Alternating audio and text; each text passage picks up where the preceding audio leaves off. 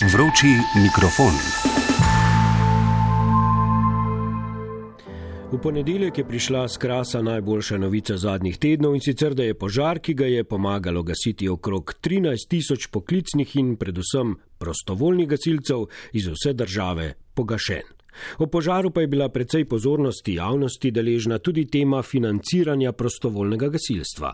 O tem, kako se financirajo prostovoljna gasilska društva, čez 19 minut ob 12. Nekateri so pri tej temi precej kritični do Gasilske zveze Slovenije in tudi do dogodka, ki je ravno v času požara potekal na drugem koncu Slovenije. No, se pravi, jaz, eh, kar se teh financiranj tiče, jaz sem pač kritičen do določenih zadev. Recimo, jaz najbolj kritičen sem na tem trenutku bil do olimpijade. Ne? Predvsem zakaj? Zato, ker uh, meni še do danes, kot članu Gasilske zveze Slovenije, ne? ker kot, uh, kot prostovoljni gasilec sem tudi član Gasilske zveze Slovenije. Jaz še danes ne vem, koliko denarja se bo tle porabili sredstvo, ko bi jih drugač gasilci dobili za to olimpijado. Jaz bi bil zelo vesel, če bo to nekdo z Gasilske zveze Slovenije odgovoril. Ne? Predvsem me zanima iz, iz teh javnih financ. Ne. Vse mene, koliko so oni donatorji dobili za to olimpijado, super. Mene, če so dobili 10 milijonov, pa so vse porabili, to me sploh nič ne moti.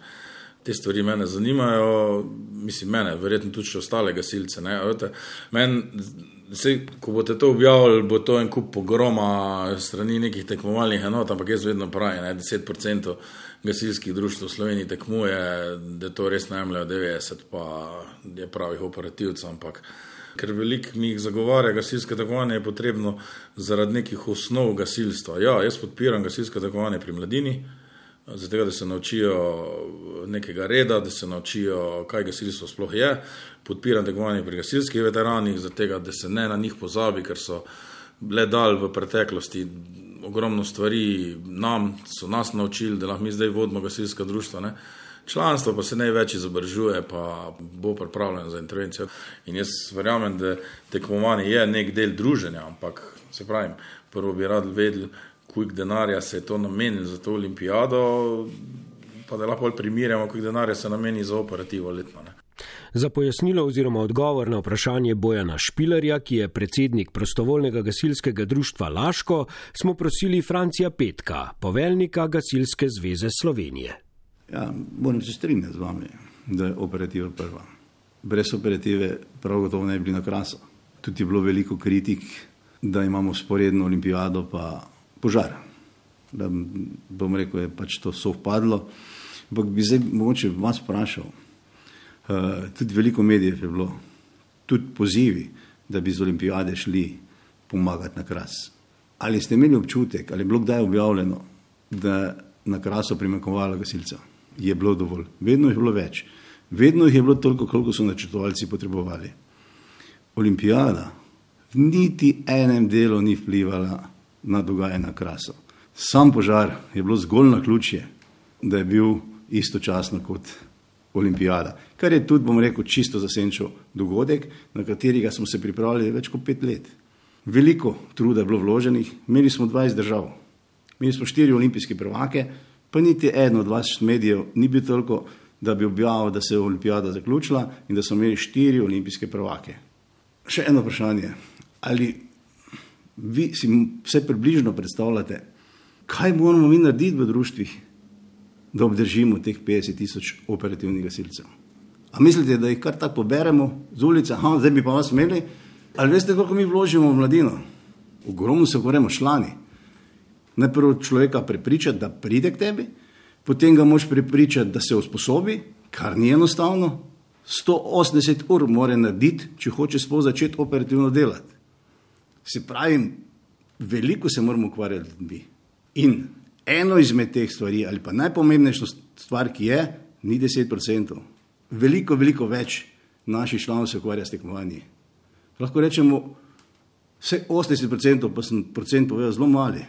In največ kadra mi pridobimo od mladega do starejšega preko tekmovanj. In boste prepričani, če ne bi bilo tekmovanj, olimpijade, nikoli življenje ne bi imeli na krasu tisoč gasilcev vsak dan in to v dveh, treh urah.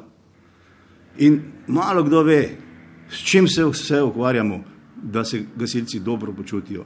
V vsakem društvu imajo različne pristope, ampak vse v globali poskusimo na gasilski zvezi držati tole pozitivno energijo In brez tega tudi sistema takega, kot je ni. Nihče ni rekel, da je bilo premalo gasilcev na krasu. Vprašanje je le, koliko javnega denarja, ki bi lahko šlo za gasilsko operativo, um, je šlo za gasilsko olimpijado. Naprimer, če povemo, um, neko gasilsko vozilo, gasilski avto stane nekje 300-320 tisoč evrov. Bom, bomo tudi to povedali, ne, ne na takšne cifre, ampak zdaj, ko ste dali primer avto. Avto bomo jutri lahko kupili, brez težav. Pet gasilcev, lahko date gnara, koliko hočete če ne bodo imeli srca, če ne bodo želeli priti pomagati, ne bodo tega delali. Ni vse v denarju, več je v ljudi. Zdaj, koliko je sredstev, ne vem točno, koliko smo dejansko uporabljali, ampak uh, olimpijada je bila ukvirjena na milijon šeststo tisoč, zdaj okrog šeststo tisoč evrov približno smo dobili s kotizacijo uh, držav, ki so se prijavili.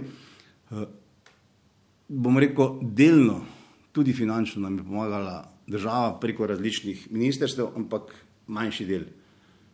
Večji del vseh sredstev smo pa zbrali sponzorsko. In to smo tudi, rekel, vložili v ljudi nazaj, v samo olimpijado. Z gasilske zveze ni šel niti en evro, bom rekel, iz srednjega poslovanja za samo olimpijado. In upam saj, da, da bo zadeva tako, kot zdaj teče, če bodo vsi sponzorji tudi poravnali to, kar je s pogodbami podpisano, bomo to brez, brez uh, večjih težav tudi uh, speljali do konca in bo tudi ostalo še za eno, bom rekel, gasilsko veselico, ker smo poveselili, pa, pa nazdravili uh, tudi gasilski olimpijadi, uh, da ne bi rekel, na sistem, organizacijo, ki jo imamo. Po številu gasilcev na število prebivalcev smo pri nas vodilni na svetu. Ali so za to razlog tudi gasilska tekmovanja? Morda. Zagotovo pa razlog ni v plačilu, saj vse, kar počnejo gasilci, ki nikoli ne rečejo ne, počnejo prostovoljno, brez plačila. In v zadnjih tednih se je znova izkazalo, da ko je treba pomagati, znamo stopiti skupaj. Pripadniki sil za zaščito in reševanje od civilne zaščite, policije, vojske in prostovoljci, predvsem pa gasilci so bili tisti, ki so se zapisali v pomoči na krasu. V 17 dneh, kolikor je trajala intervencija, je pri gašenju požarov pomagalo okrog 13 tisoč poklicnih in predvsem prostovoljnih gasilcev iz vse države. O požaru pa je bila predvsej pozornosti javnosti deležna tudi tema financiranja prostovoljnega gasilstva. Več o tem v prihodnjih minutah, tudi o tem, kako bo razdeljen denar zbran v akciji Gasilec 5 Veronika Gnezda. Pri nas smo po številu gasilcev na število prebivalcev vodilni na svetu. Več kot 160 tisoč prostovoljnih gasilcev in gasilk, med njimi je 50 tisoč operativcev, je združenih v 1341 prostovoljnih gasilskih društev. Ta pa so razdeljena v različne kategorije, od prve do sedme, vse občine pa morajo imeti tudi osrednjo enoto. Ena takih je tudi prostovoljno gasilsko društvo Dolni Logatec. Poveljnik je Tomaš Šen, ki je povedal, da ima društvo nekje 130 članov, glavna tema pa je bila financiranje prostovoljnih gasilskih društv. Prostovoljno gasilske društva se izključno financiramo z občinskim denarjem. To meni država ne da nič. In občina tudi glede na velikost društva, potem razdeli denar po teh kategorijah. Prvo dobi tok, drugo tok, tretjo tok, četrto pa to. Ko kar občina da za gasilce, tok se tistih sredstva razdelijo na določena društva. Pomemben je župan, koliko je naklonjen gasilcem. Ne? Kako je v Logacu? V Logacu smo zelo zadovoljni. Imamo uh, predvidena sredstva vsako leto in jih tudi dobimo v celoti. V dolnem logaču smo v srednje gasilsko društvo, četrte kategorije, dobimo največ sredstev v občini Logatec, v gornjem logaču so pa druge kategorije, to pomeni, da dobijo, no, rekel dvakrat manj, ampak manj, ker so tudi manjši, imajo pač samo dva vozila, mi imamo pet vozil in on, mi smo pač. Pokrivamo malenkost večji rajon in v primeru večjih nesreč tudi posredujemo v občini Logatec. In to zadostuje za osnovno delovanje društva. Imamo tudi investicijska sredstva, to pomeni, da vsakih 8-9 let smo uh, na vrsti za kakšno vozilo, s tem, da moramo sami so prispevati zraven, zato da v zvezi lažje kupujemo nova vozila. Za vse ostalo breme za obleko, ki za enega člana stane 2000 evrov, moramo pa to sami financirati. Kako to zgleda? Ja, v novem letu pridemo v gospodinstva, pa prenesemo koledar. To ni prodaja koledarjev, ampak tam rečemo prostovoljna sredstva. Potem imamo veselico Potem imamo vse, požarne straže, vse, kar to sami presmemo, si potem kupujemo, te pomeni zaščitna sredstva, ker samo sredstva, ki jih namenja občina, to je lik za osnovno delovanje društva. Vemo, da so zelo, zelo drage stvari imamo. Jaz sem jih prele, preden sem prišel uh, sem, no, sem pogledal, koliko stane eno pranje na obleko. To je 100 evrov. Pranje, samo eno pranje. To pomeni po eni intervenciji, kjer se sproščajo nevarne snovi, to pomeni na vsakem požaru, jaz moram obleko oprati. In samo pranje obleke, uh, zgornjega dela, spodnjega dela, škornjo, recimo, pa čelade, pa če dam zraven še rekovice, je to pa za nas 150 evrov in deset članov mi posreduje, pomeni, naenkrat moramo dati 1500 evrov za pranje. Tako da zelo, zelo veliko sredstev moramo sami probati, eh, tako prek donacij, veselic eh, v novem letu in take zadeve. No. Pa vam uspe? Eh, zaenkrat nam uspeva. Eh, Kokor so ljudje dobri, pa res uh, vidijo, da mi delamo za ston, za nobeno intervencijo, za noben nič ne dobimo plačano. In tako da dejansko je samo tisto veselje, oziroma ko vidiš, da so ljudje zadovoljni, je to plačilo. Tako da uh, vse prispevamo za to, da lahko društvo deluje. Kot pravi Tomaš Šen, se v društvu res trudijo, da so napredni. Prav eden njihovih članov je tudi pobudnik akcije Ustvarimo reševalni pas. Društvo pa je tudi eno od društv, ki imajo koncesijo GEŠP. To pomeni, da so gasilska enota širšega pomena. Teh je v Sloveniji nekaj več kot 50 in imajo različno pooblastila za opravljanje nalog. Naprimer, posredovanje pri prometnih nesrečah, torej da pri teh ne le gasijo, ampak tudi rešujejo ljudi iz avtomobilov. No, to pa je eh, sofinanciranje v pristojnosti države. Ampak sofinancira samo za prometne nesreče. To pomeni eh, vse, kar eh, nas center kliče in da moramo posredovati za prometne nesreče. Mislim, grdo rečeno, več imamo prometnih, več imamo posredovanj, dobimo več sredstev. Tako da dejansko mi moramo imeti urodje za eno prometno nesrečo ali pa za sto. Je, dejansko je enako. S tem, da če imamo več posredovanj, potem dobimo večje sredstva strani države. No? Sredstva, ki jih namenja občina, zadostujejo za osnovno delovanje društva, pravi Tomaš Šen, poveljnik prostovoljnega gasilskega društva Doni Logatec, ki sodi v četrto kategorijo. O izkušnjah, ki jih imajo s financiranjem, sem želela govoriti tudi s predstavniki prostovoljnih gasilskih društev prve ali druge kategorije, ki torej dobijo manj občinskih sredstev, a so dejali, da nočejo ostati še brez tistega malo denarja, kolikor ga dobijo. Kaj pa pravijo o naklonjenosti županov gasilstvu, poveljni Gasilske zveze Slovenije, Franci Petek? Naša zakonodaja je pač takšna, da je župan, lokalna skupnost odgovorna tako za prostovoljne kot poklicne gasilce. Zdaj župan po zakonu je odgovoren za požarno varnost, se pravi, da mu je v osnovi interes, da pokrije to področje in ima to področje dobro urejeno. Je pa res, da župani nikoli niso imeli predpisano, koliko sredstev morajo dati za gasilsko dejavnost ali pa rekel za področje sistema zaščite in reševanja. In je to, bom rekel, v Sloveniji zelo, zelo različno. Ponekod je super urejeno, ponekod pa še vedno malo pešamo, vendar zelo, zelo malo občin, bom rekel, ali pa nič več, nimamo, kjer ne bi vsaj tistih osnovnih stvari župani zagotavljali. Uh, tako da tukaj je, bom rekel, financiranje, bom rekel, zelo različno ne ravno prepuščeno županom, ampak veliki vpliv na vse skupaj imajo župani.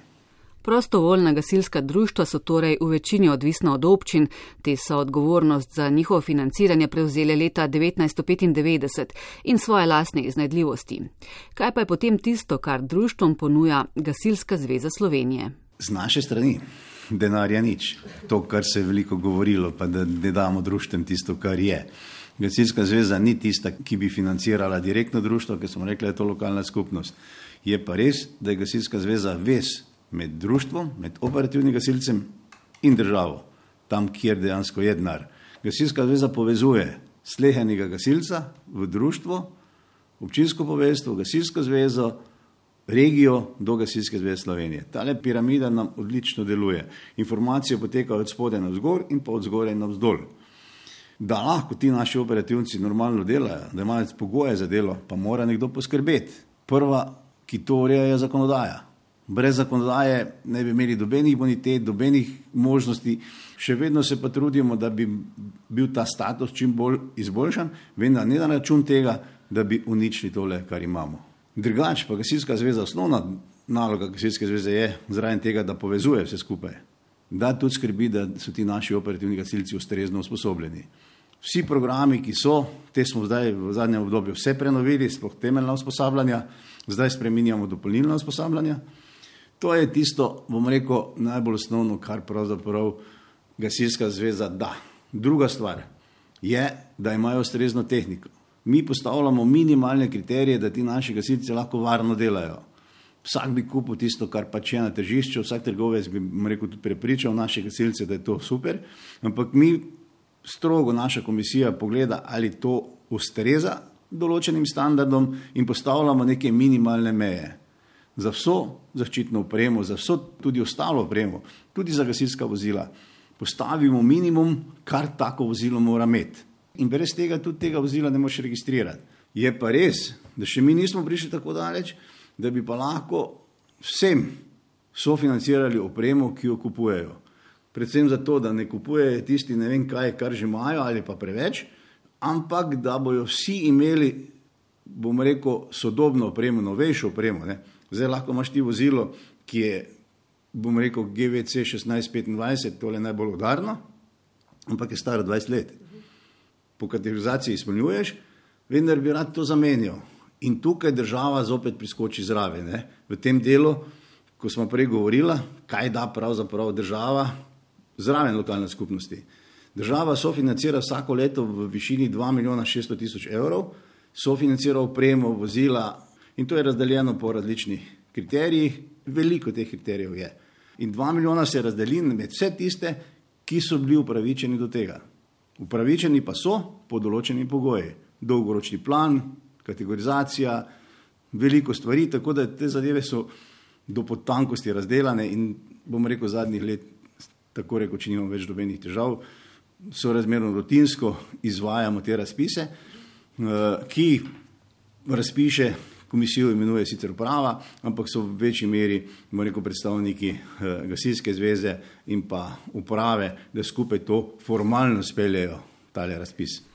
Prav do povedanega je kritičen Bojan Špiler, ki je že 16 let predsednik prostovoljnega gasilskega društva Laško, ki je prav tako društvo četrte kategorije in osrednje društvo v občini Laško, s katero sicer dobro sodelujejo. Gasilci smo za občino, kakorkoli nas treplajo po ramih, ampak mi smo ne bodi ga treba, dokler je mir. Ne? Eh, financiranje je zgolj izključno strani občine, pa strani samih gasilskih društv, obstaja potem eh, sofinanciranje, se pravi povrnitev določenih stroškov strani uprave Republike Slovenije za zaščito in reševanje oziroma Ministrstva za obrambo, to je enkrat letno razpis oni razpišejo, katero upremo, ko smo mi v tistem letu kupili, lahko damo v sofinanciranje in pa dobimo neke male zneske. Zdaj, konkretno, recimo, ko smo mi na zadnje kupili gasilsko vozilo 2018, ko je stalo 320 tisoč evrov, smo dobili, mislim, da je okrog 21 tisoč evrov povrnenih stroškov. Vse je dobrodošlo, se neč ne rečem, ampak to je zanemrljivo. Zdaj, če že moraš zrihtati 320 tisoč evrov, pa tistih 20 tisoč ni. Je, je nek znesek, ni pa to zdaj ne vem kaj. Zdaj, gasilska zveza pa pri tem nima nič, razen da predpisuje. In pač jaz se vedno hecam po eni strani, policija pa vojska je uh, organizirana strani države. Uh, jaz sem bil tudi policist 15 let uh, uh, in država predpiše uniformo, predpiše vozila in to tudi zagotovi. No, tle pri nas pa gasilska zveza predpiše, kupiti mora pa občina. Ne? In pol te tipizacije, ko so pač enot napisan četrta kategorija, mora imeti takšna in takšna vozila. In gasilska zveza pa polnoma nič ne zanima, smo mi v Laškem ali smo v Krajinski gori ali smo v Piranu, ne, pač to moraš imeti. Ker potem pridejo pa požarni inšpektori in preverijo, ali imamo mi vso to opremo, katero smo dolžni imeti, se pravi minimalni standard, lahko imaš več. Ne minimalni standard moraš imeti, ampak to, to se zdaj pozna pri, recimo pri krasu. Ne. Gasilci načeloma v notranjosti zelo, zelo redko imamo opremo za gozne požare. Ne. Eh, predvsem te kombinezone. Te nam v naravi gori vem, petkrat v letu in mi načeloma, sicer mi smo spet društvo, ko ogromno delamo sami, ko imamo tudi uh, servis gasilnih aparatov in tudi fante opremljamo za prometne nesreče, da imajo drugačno uniformo, pa za uh, lažjo pa za gozdne požare, ne, ampak tega si vsa društva ne more poroščiti, eh, niti slučajno. Ne. In pa grejo na kras v teh težkih intervencijskih oblačilih, eh, pa v unih pravih čeladah, ne v čeladah za gozdne požare.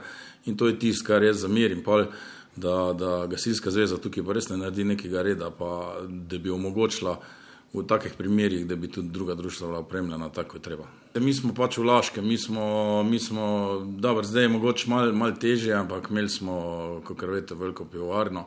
Direktori so bili laščani, oni so se zavedali uh, pomena gasilcev, tudi ta gasilski dom, ko stoji, je vem, 70% z njihove strani financiran, postavljen. Zdaj, seveda, je lasnik tuj.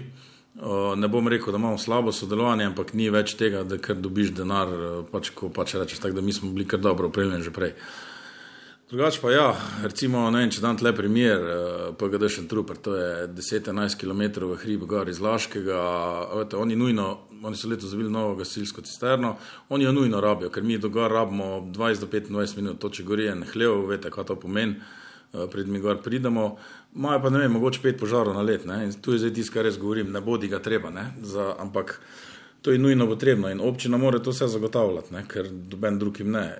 Sponzorjev, donatorjev pa v tem majhni vasi ni. Ne? Zdaj se veste, če greš pa dol, eh, tle pa že si pa reče, vse smo laškem dol. Ne? In to je tak začaran krok, ko se je pol težko. Uh, financirati iz vsega tega. In jaz pravim, da sem čakal, da se bojo občine zlomile, pa tega ne bojo mogli več uh, dohajati. Ker ena občina Laško mora tle financirati osem gasilskih društv. Pač ne vem, kdo bo občina imela, vse veste, občine tudi nimajo, niso vreče brez dna ne? in mi tudi razumemo, če, če ne more. Ampak treba je pa razumeti, mi smo poplavno ogrožena občina. Mi, če imamo, ne vem, tri, štiri podobne črpalke, je to za normalno delovanje gasilskega društva vse ok, ko prija pa poplava, pa je to, kot da ni nič. Kaj o tem, torej o načinu financiranja, pravi poveljnik Gasilske zveze Slovenije, Franci Petak. A veste, kdaj se je pri nas začelo razvijati slovensko gasilstvo? Je leta 95, ko so začele občine. Ko so začele občine, ker se z občino veliko lažje pogajamo kot pa z državo. Občine so tiste, ki vejo, kaj rabijo na svojem terenu. Država pa seveda pripomore z zakonodajo, s sistemom, z usposabljanjem, z nadzorom, z sofinanciranjem tam, kjer so manjki. In to nam je zdaj uspelo, bom rekel, v večji meri. In sistem, lokalna skupnost in pa država nam zdaj zaenkrat odlično deluje. To ste lahko tudi videli zdaj na krasu.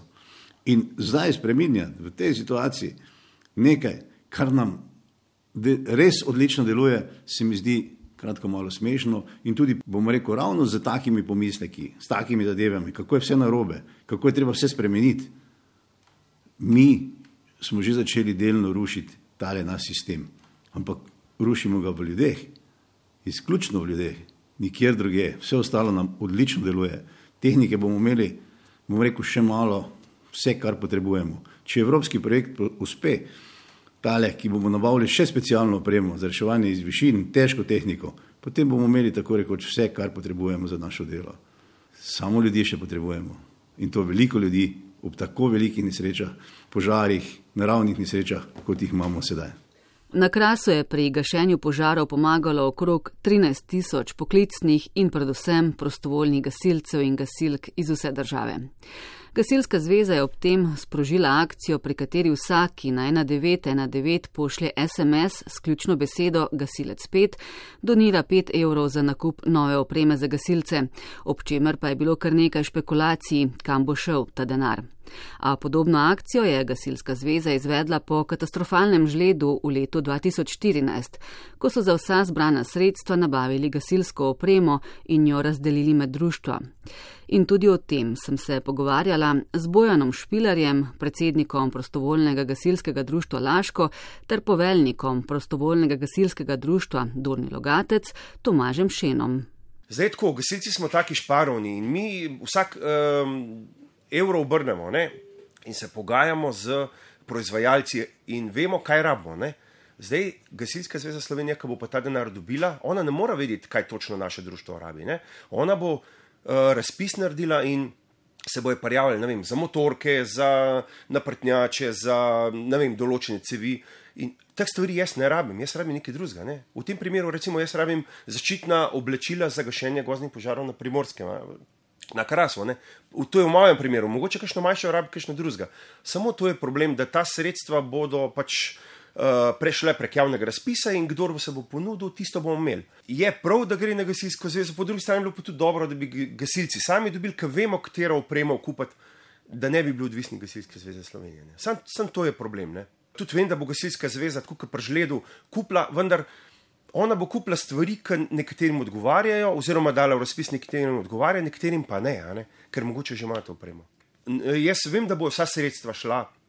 Ker vemo, so razna eh, teorija zarote, pa ne. Jaz vem, da gasilska zveza bo uh, dala, vendar ne vem, sem pa siguren, da pa ne bo ustregla točno mojim potrebam. Ker ne more, ker smo gasilske zveze preveliko, oziroma ne ve mojih potreb. Zdaj, kakšen bo sistem razdeljevanja, kaj bojo kupovali, komu bojo kupovali. Jaz vam povem, takrat za žled, konkretno mi smo dobili protivrezne hlače za pač pri žaganju hlodo in podobno, ampak to je prišla ena številka, ko pač ni skoraj dobenem prav in pač visijo tam zdaj, denar stran vržen. Ne? Eh, se pravi, jaz bi tle predvsem rekel, bi se mogla gasilska zveza organizirati, pa prvo poslati povpraševanje, kaj se je uničilo, kaj se potrebuje, kakšne številke se, da gre polo na bav. Še bolj bi bilo, če bi gasilska zveza Slovenije nam zaupala, pa nam dala denar po nekem razdelilnem ključu in bi si vsa društva govorila tisto, kar rabimo, ne tisto, kar je neka skupna oprema, ko ni nikoli ista. Ne. Pa če nam ne zaupajo, da to ne bomo zapravili za brezveze, dobte predračune, pošljite nam je na gasilsko zvezo, mi jih bomo plačali ali pa vam bomo na posnovi predračuna to nakazali. Ne? In pol tudi z računom gasilski zvezi dokažeš, da si vse to kupil. Ampak mi vemo, kaj rabimo in vemo, kaj bomo kupili. Ne? Zdaj bomo pa mogoče spet dobili neke protigrezne hlače, ko bojo premajhne ali prevelike vsem in bomo tam jih obesili, pa bojo vesele. A je to pa namen, da je človek 5 evrov daroval? Ni, ne. Zato pa, zato pa pravim jaz. Uh, Uh, sicer tu v Laškem se je že kar ogromno ljudi javilo, no so nam že tudi nakazovali denar direktno, ne, ker pač so videli, ko je pač ta debata bila, ta gasilec spet, da, ni, da ne bo prišel prave roke, ampak še enkrat, jaz, če kje pa tukaj zaupam gasilski zvezi, da bo prišlo prave roke. Zdaj, kaj pa bo prišlo, to pa, to pa pustimo, to pa se pustimo presenetiti, pa se mogoče slišmo čez pol leta ali pa eno leto, ker prej te opreme ne bo. Ne kaj na to, da bi bilo morda bolj smiselno, da bi prostovoljna gasilska društva od zbranega denarja akcije Gasilec 5 dobila sredstva, s katerimi bi si sama kupila opremo, ki jo potrebujejo, ne pa da to opravi Gasilska zveza Slovenije, odgovarja njen poveljnik Franci Petak. Poglejmo, če življenjske stani, tako kot vi, kot jaz, če dobimo neki denar, ne, če ga res ne, takoj porabimo ali pa dama, ga v trenutki zapravimo. Če mi damo tem društvam, ki bojo 100, 200, 300 evrov, a mislite, da si bodo šli kupiti opremo? Izkušnje kažejo v društvih in vse posod, da nič drugače ne razmišljajo kot mi. In tudi, če bi vprašali 90% ali pa še več, bi se strinjali s tem, da je najboljši, da se kupi oprema, tista, ki je za to. Oprema ne bo šla v nič. Tudi dobeno društvo ni tako bogato, da bi, če ste rekli, eno motorko, da dobijo še eno motorko, ki se lahko pokvari vsak trenutek na eni taki intervenciji, kot je tukaj, da bi bila viška in da je ne bi mogli uporabljati. In tudi ne bodo dobili teh sredstev toliko. Če zdaj mi računamo, da bomo razdelili dober, dobrega pol milijona sredstev, zdaj mislim, da je se že zbralo nekaj več kot uh, pol milijona evrov, na, na terenu je pa bilo koliko gasilcev, koliko društev. Pa dajmo to razdeliti, pa boste videli, koliko bo, bojo to dobili. Hudo je, če nimaš denarja, še huje je, ko ga moraš razdeliti in to pošteno razdeliti. Tako da smo se takrat veliko, veliko razmišljali, kaj narediti, ko smo imeli žled, in smo na koncu ugotovili, da bo daleč najbolj enostavno, da poskusimo nabaviti opremo, jo približno porazdeliti po vloženem delu posameznega društva in moram reči, da so bili na koncu vsi zadovoljni. Ni bilo enega društva, ki bi rekel, da ni bilo v redu ali pa ni bil zadovoljen. Tudi tisti, ki so dobili mogoče samo neko manjšo stvar, bomo rekel zaščitne rokavice, ampak z ozirom to, koliko so vložili, so dobili vsaj zaščitne rokavice. So stale določen evro, ki je bil v skupni masi razdeljen 100%, brez ene provizije. Edina država si je vzela približno 80 tisoč evrov, ker, je, ker smo morali za to opremo pač plačati davek. Zato smo tudi zdaj upozorili na to, da če so že dobro delna sredstva, če že zbiramo za, za opremo, ki bo šla zopet nazaj v ljudi, da bi vse to opremo lahko kupili brez davka in bi dobili kar precej več opreme, kot bomo jo naprimer dobili, če moramo davek plačati. Dodal bi samo to še mogoče, ne, da za nas je daleč najbolj enostavno narediti po ključu, pa razdeliti denar. Ampak uh, se večina naših organov in pa tudi, ko se pogovarjamo, ne strinjajo s tem. Ker to bo denar, kak je prišel, tak bo se zgubil v celotni, celotni zadevi in ne bo imel tiste, bom rekel, dodane vrednosti, ki, ki bi si jo mi pravzaprav želeli, oziroma tudi naši člani. Sicer pa pobuda je dana.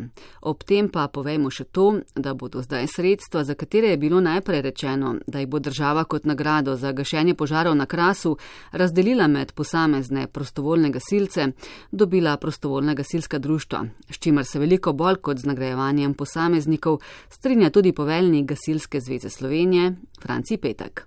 In naj se v društvah odločijo, kako bojo to razdelili. Ali posameznikom, ali bo to ostalo v društvih za opremo, pa tudi, bom rekel, za kako državno zadevo, da se bojo poveselili, da bojo ostali, da bojo z veseljem ostali v naši organizaciji, bo veliko, veliko večja dodana vrednost, kot pa da, bom rekel, to pride direktno do posameznika, ker med tem časom, ko so bili na krasu ti naši operativci, jih je veliko, veliko delalo tudi na različnih koncih Slovenije.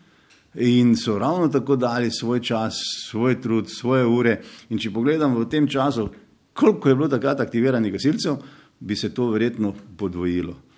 Govorim hipotetično, ampak prav gotovo jih je še veliko. In zdaj smo takoj razdelili te, ki so bili na krasu, in pa te, ki so bili, bom rekel, v notranji Sloveniji, kjer so ravno tako garali in pa tudi raskirali svoje življenje za pomoč nekomu drugemu. In razdelimo, bom rekel, zopet slovensko gasilstvo na ene in druge, kar nikoli ni dobro. Zato vse te odločitve, ki sem zelo vesel, da se o njih pogovarjamo, da sprememo skupaj, da poiščemo najboljše rešitve, kako uh, zapeljati te zadeve, ne pa, bom rekel, porušiti sistem z dvemi, tremi sistemami, z potezami, pa zgubimo to, kar imamo, na kar smo danes ponosni. Ponosni in predvsem hvaležni ne le, ko kje zagori, ko se zgodi prometna ali delovna nesreča v poplavah ali ko na cestah ležijo podrta drevesa, za tako rekoč vsako stvar pokličemo gasilce in ti nikoli ne rečejo ne. Zato smo ponosni in hvaležni. In morda se spomnimo na to, ko bo ob novem letu kdo potrkal s koledarjem, ali pa tudi takrat, ko bo kje v bližini kakšna gasilska veselica, tudi če nam bend na veselici ni najbolj všeč. Za gasilce gre.